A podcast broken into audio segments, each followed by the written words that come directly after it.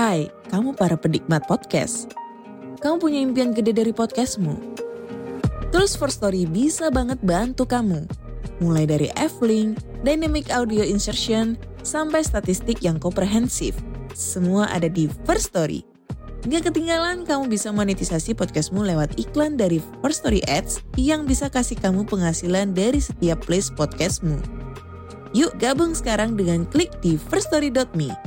Sekali lagi, klik di firststory.me. Mari kita bawa mimpi podcastingmu menjadi kenyataan.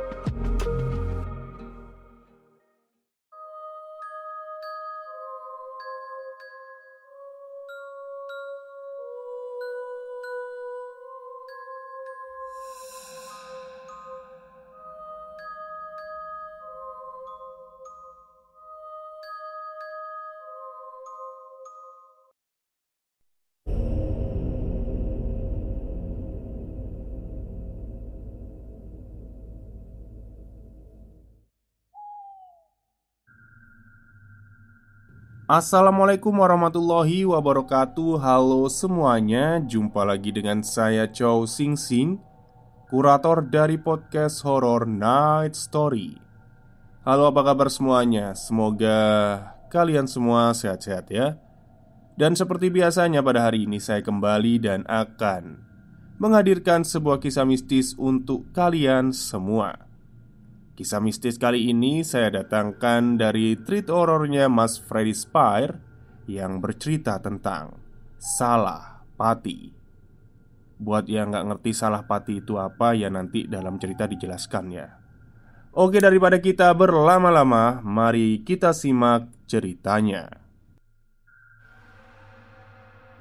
1992 Dua rantang nasi dengan isian lauk lengkap disiapkan Wati sejak pagi. Siang itu, suaminya, Ansori, akan merantau ke pulau seberang untuk mencari peruntungan.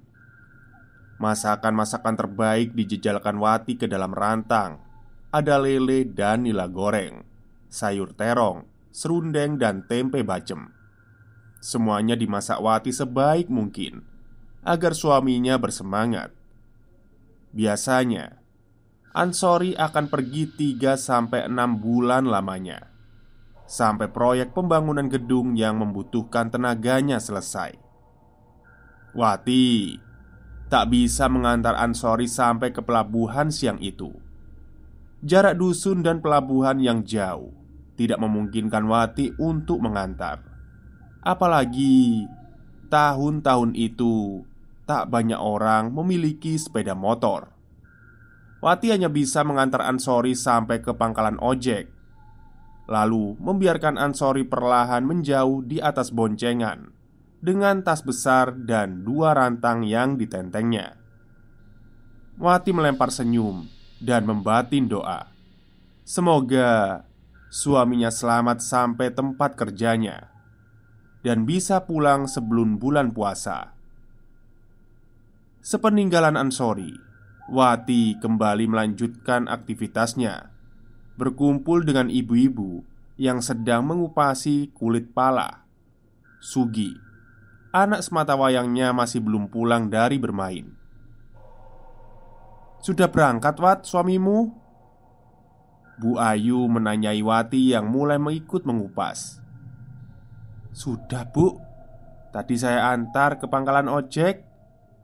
Saud Wati sambil tangannya memindahkan tumpukan buah pala baru Menjelang maghrib Wati baru pulang ke rumahnya Di halaman Sugi tampak sudah bersiap pergi ke musola Dengan sarung yang membekap tubuhnya Wati pun masuk ke dalam rumah Lalu menyalakan lampu petromak Ditunggunya Sugi mengaji sambil merapikan baju-baju milik suaminya yang tadi nggak jadi dibawa. Wati baru saja hendak memejamkan mata. Waktu As'ad, tetangganya, mengetuk pintu rumah dengan keras. Wati menyambar kerudung ala kadarnya Lalu menemui As'ad di depan pintu. Ternyata tak hanya As'ad di depan rumah Ada Pak RT juga yang mendampingi Pak RT lalu meminta Wati untuk tenang dan bersabar. Wati bingung dengan ucapan Pak RT. Setelah saling lirik dengan Asad, Pak RT menceritakan jika kapal yang ditumpangi Ansori karang di tengah selat. Ada polisi dan orang Syah Bandar yang mengabari ke rumah kepala desa. Nama Ansori tercatat di data manifest penumpang yang ikut di atas kapal. Pak Kades lalu memberitahu Pak RT dan Asad sekaligus meminta mereka mengabari keluarga Ansori. Mendengar hal itu, Wati mendadak cemas. Tubuhnya ambruk seketika. Pak RT dan As'ad membopong Wati ke ruang tamu. Belum pasti apakah Ansori menjadi korban, tapi Wati sudah terlanjur sedih. Pak RT dan beberapa tetangga berulang kali mencoba menghibur Wati, membantu menjelaskan jika petugas masih berusaha mencari.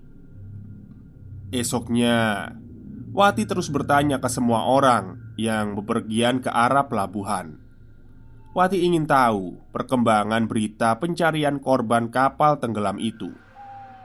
Pak Kades juga tak luput dari pertanyaan Wati.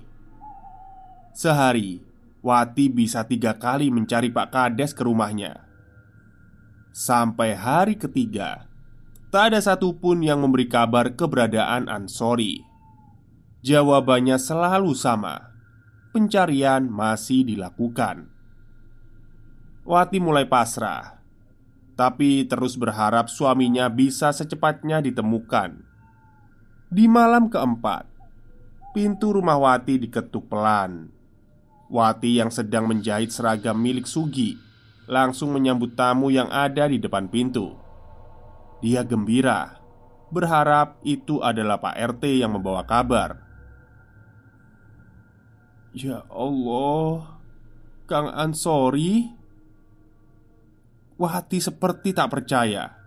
Ternyata itu adalah suaminya Yang berdiri di depan pintu Saat gerimis sedang turun. Lampu petromak tetangga terlihat sudah padam.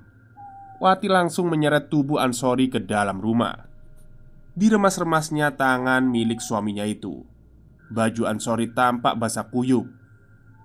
Alhamdulillah Kang, sampean selamat. Wati seperti tak percaya menatap suaminya.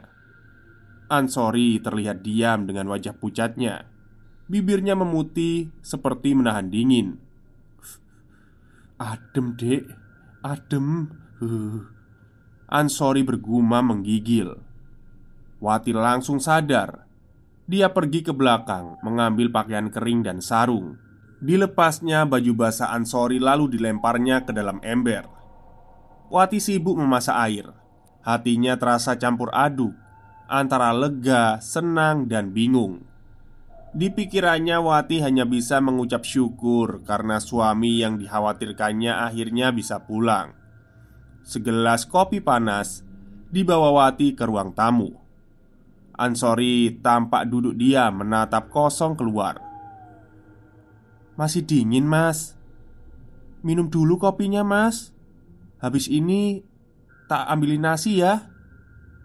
Wati menyodorkan gelas dan terus menatap wajah Ansori 12 tahun menikahi Ansori Wati tak pernah merasa secinta ini kepada suaminya Setelah nasi, lauk, telur dadar matang Wati membawanya ke depan Ansori Suaminya itu makan dengan lahap. Saat makan, Wati melihat kepala suaminya kembali basah. Dikiranya itu adalah keringat yang keluar dari kepala suaminya. Padahal malam itu udara terasa dingin. Wati mendampingi Ansori sampai terus mengelap kepala suaminya itu yang basah. Tapi air seolah tak berhenti mengalir dari tengkuk kepala belakang suaminya itu. Saat Wati sibuk memperhatikan leher suaminya Ansori tiba-tiba memutar lehernya Ayo tidur dek Aku capek Wati sedikit terkejut Lalu menatap mata Ansori yang terlihat sayu suaminya itu terlihat lebih pucat. "Iya, Mas. Tak bersihin dulu ya kasurnya supaya nggak kotor," sahut Wati.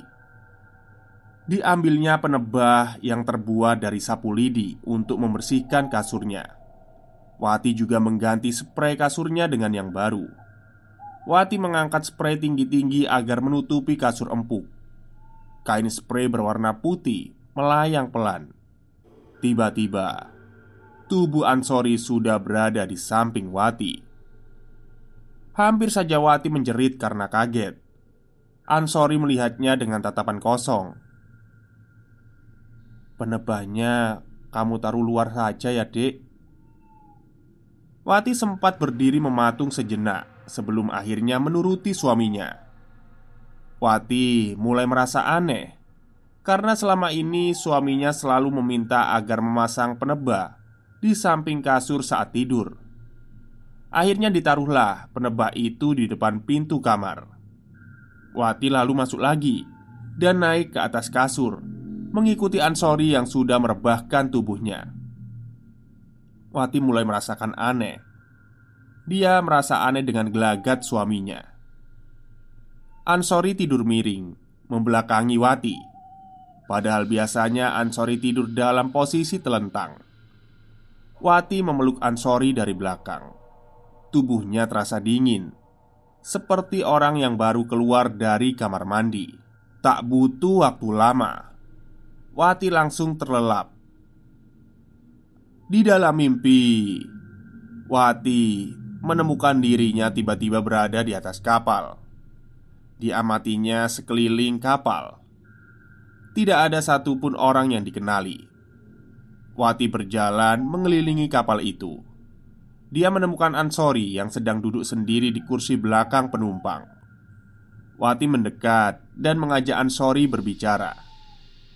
Tapi suaminya itu seolah tak mendengarnya Ansori asik membuka bekalnya Dicampurnya lauk pauk yang sudah dibawa dari rumah itu. Wati hanya bisa mengamati. Di tengah makan Ansori Tiba-tiba hujan lebat turun. Mendadak kapal mulai terguncang. Sepertinya ada gelombang tinggi di depan kapal. Ansori terlihat panik. Ditutupnya rantang lalu mengintip ke depan jendela. Di luar, orang-orang saling mencari tempat aman Ada yang berpegangan ke tiang-tiang kapal Dan ada juga ibu-ibu yang membekap erat anaknya Kapal bergoyang semakin kencang Di luar orang mulai berteriak Airnya masuk! Airnya masuk! Ansori yang tak bisa berenang semakin terlihat panik antara bertahan di dalam kapal atau ikut keluar bersama penumpang lainnya. Mendadak, kapal seperti dengan cepat tenggelam. Wati mencoba meraih tangan Ansori, tapi tangannya tak pernah tergapai. Air sudah masuk separuh ke ruang penumpang. "Tolong, tolong saya!" Ansori berteriak sambil memegangi pipa besi di langit-langit ruang penumpang. Petugas kapal yang membagikan pelampung di luar tak mendengarnya. Wati ikut panik melihat air yang seketika sudah sampai di leher Ansori. "Kang!" Wati berteriak, lalu tubuhnya terbangun. Wati membuka mata. Dicarinya Ansori yang tadi tidur di depannya. "Kang!" Kang Wati bangun mencari Ansori Yang sebelumnya tidur di sebelahnya Wati lalu mendengar ada suara orang yang sedang menangis terseduh Sumbernya berasal dari halaman belakang rumah. Pelan-pelan dicarinya suara itu. Setelah membuka pintu belakang Wati melihat suaminya sedang duduk di dekat sumur. Tangannya menutupi wajahnya. Wati mendekat dan menggoyangkan pundak Ansori. Ansori membuka jari-jari tangannya yang menutupi wajahnya. Wati terjengkang ke belakang. Kini, wajah Ansori tampak lebih pucat. Pipinya berlubang, mengeluarkan air bercampur darah. Dek, ikhlas no aku ya dek Ansori berkata sambil menatap dingin ke Wati Tak kuat melihat wujud di depannya Wati lalu pingsan Wati baru terbangun ketika matahari sudah terbit Sugi yang menemukan ibunya tergeletak ketika akan mandi sebelum berangkat ke sekolah Wati lalu digotong ke rumah tetangga di depan rumah Begitu bangun, Wati langsung berteriak-teriak memanggil nama Ansori. Uyut Saleh yang dari pagi menemani Wati langsung mengusap wajah cucunya itu dengan air putih. Lalu diminumkannya ke mulut Wati. Setelah air sudah masuk ke mulutnya, Wati baru bisa tenang. Orang kalau sudah kena bau mayat ya seperti ini, kata Uyut Selamet pada ayah kandung Wati. Tetangga sudah mulai bubar saat itu. Hanya Wati dan kedua orang tua kandungnya bersama Uyut Soleh dan Pak RT. Wati masih bingung, masih berusaha mencari di mana keberadaan Ansori. Dia tidak menemukan adanya suaminya di mana-mana. Kang Ansori di mana, Pak? Wati mengajak bicara Uyut Soleh dan ayahnya. Semua orang di ruangan menggeleng. Mereka tak bisa menjawab karena memang sejak kabar kapal yang dinaiki Ansori Karam, pria itu tak pernah ditemukan. Kecuali Uyut Soleh. Kakek satu ini sepertinya sudah paham. Kakek berusia 80 tahun ini akhirnya mengatakan, "Ansori sudah jauh dan tidak akan pulang." Wati tak terima dengan ucapan kakeknya itu Seolah mengisyaratkan jika Ansori sudah meninggal Wati lalu bergegas pergi ke rumahnya Diambilnya baju basah Ansori yang sempat direndam di ember Wati membawa setelan pakaian basah milik suaminya itu Di depan orang-orang yang masih berkumpul Di rumah orang tuanya. Dia berusaha meyakinkan semua orang jika suaminya benar-benar pulang malam itu. Uyut Soleh lalu berbisik ke telinga Ayawati Iya Wat. Suamimu masih ada urusan. Besok ketemu dia dengan saya Kamu istirahat ya Kata Uyut Soleh menenangkan Wati Akhirnya Wati mau dibujuk Dia kemudian memilih kembali ke rumahnya Wati seperti lupa tentang pertemuan terakhirnya dengan Ansori yang membuatnya pingsan. Esok harinya, Wati sudah berdiri di depan pintu rumah kayu milik Uyut Soleh. Dia menagih janji kakeknya agar bisa bertemu dengan Ansori. Uyut Soleh tertawa terkekeh saat melihat Wati di depan rumahnya. Ah, ah, ah, ah. minum dulu airnya. Setelah ini, kita baru berangkat ketemu sama suamimu. Uyut Soleh menyodorkan segelas wedang uwu dengan bermacam tanaman di dalamnya. Wati menyeruput minuman yang masih mengepul itu.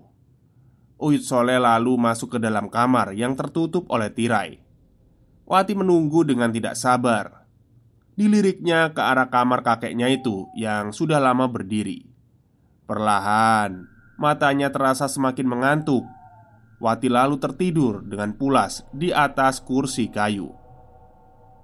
Tak lama kemudian, Uyut Soleh keluar dari kamarnya Membawa baskom berisi air bening Dan kelopak-kelopak bunga Dia mendekati Wati lalu meletakkan baskom itu tepat di pangkuannya Wati tersadar di dalam tidurnya Kali ini dirinya kembali diperlihatkan suasana ketika air laut sudah memenuhi kapal yang ditumpangi oleh Ansori Wati kembali mencari suaminya di tempat terakhirnya ketika dia melihat Ansori makan. Air sudah menenggelamkan seisi ruang penumpang.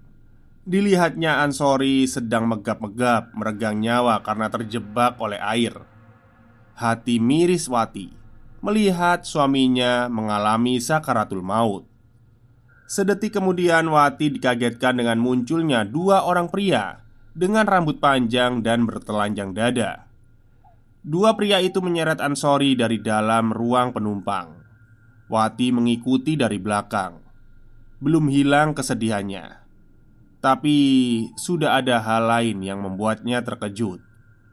Dua orang itu masing-masing mengapit lengan Ansori, membawanya keluar. Badan kapal sudah tenggelam sepenuhnya. Wati terus mengikuti mereka. Dia mengira dua orang itu akan membawa Ansori ke permukaan agar bisa bernafas. Tapi ternyata Ansori malah dibawa semakin dalam ke jantung lautan. Keduanya berenang cepat, bahkan lebih cepat dari kapal yang sedang tenggelam. Warna air laut semakin pekat. Pandangan Wati terus mengikuti laju berenang dua orang itu yang mengenakan celana beludru berwarna hijau. Sampai kemudian ada sebuah lorong yang nampak bersinar di tengah bebatuan karang laut. Tubuh lemah Ansori ikut masuk bersama dua orang itu di dalamnya. Cahaya keemasan di ujung lorong sempat membuat Wati seperti kehilangan kesadaran sesaat. Begitu pandangannya kembali, Wati dikagetkan dengan pemandangan indah yang ada di hadapannya. Ada rumah dengan kubah-kubah megah keemasan berjajar. Wati lalu kembali mencari ke mana Ansori dibawa oleh dua orang itu. Rupanya mereka menuju sebuah rumah yang terlihat lebih besar dari rumah lainnya. Sekejap, Wati tiba-tiba sudah berada di dalamnya. Dilihatnya Ansori sudah duduk di salah satu kursi, ditemani beberapa orang, pria dan wanita. Ansori terlihat bahagia dia tertawa-tawa seolah sudah lama berada di tempat tersebut. Ansori lalu melirik ke arah Wati. Dia melambaikan tangannya. Wati mendekat sambil menahan kerinduan kepada suaminya itu. Ansori memeluk Wati dan membelai rambutnya. Mas wis seneng neng kene. Sing ikhlas ya dek Kata Ansori sambil menatap lekat mata Wati. Tangan Wati menggenggam erat tubuh Ansori Seperti tak ingin melepaskannya lagi. Tiba-tiba semuanya mendadak gelap. Wati terbangun dalam keadaan terduduk di kursi Uyut Soleh Sambil memangku sebaskom air.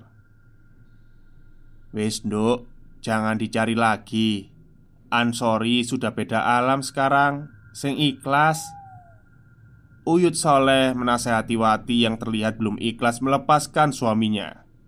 Uyut Soleh mengatakan jika jasad Ansori kemungkinan sudah mati dengan karamnya kapal yang membawanya. Tapi sukmanya masih ada dan kini tinggal di alam goib, penduduk lautan. Uyut Soleh menyebutnya dengan istilah salah pati. Orang yang mengalami hal itu diyakini akan mengalami dua kali kematian Karena proses kematiannya tidak sempurna. Satu, kematian tubuh fisik dan kedua, kematian sukmanya. Selesai. Oke, itulah cerita singkat dari Mas Freddy Spire Tentang salah pati. Oh, jadi sekarang terjawab sudah ya tentang kasus-kasus orang yang kalap di sungai atau di laut itu. Berarti mereka mengalami dua kali kematian. Yang pertama itu fisiknya, soalnya kan ini rohnya ini sukmanya kan dibawa sama lelembut ya, makhluk halus gitu. Terus nanti akhirnya kematian kedua ya sukmanya itu hilang gitu.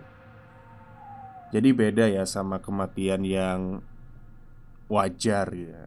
Entah sakit atau apalah kecelakaan atau apa itu kan beda sekali.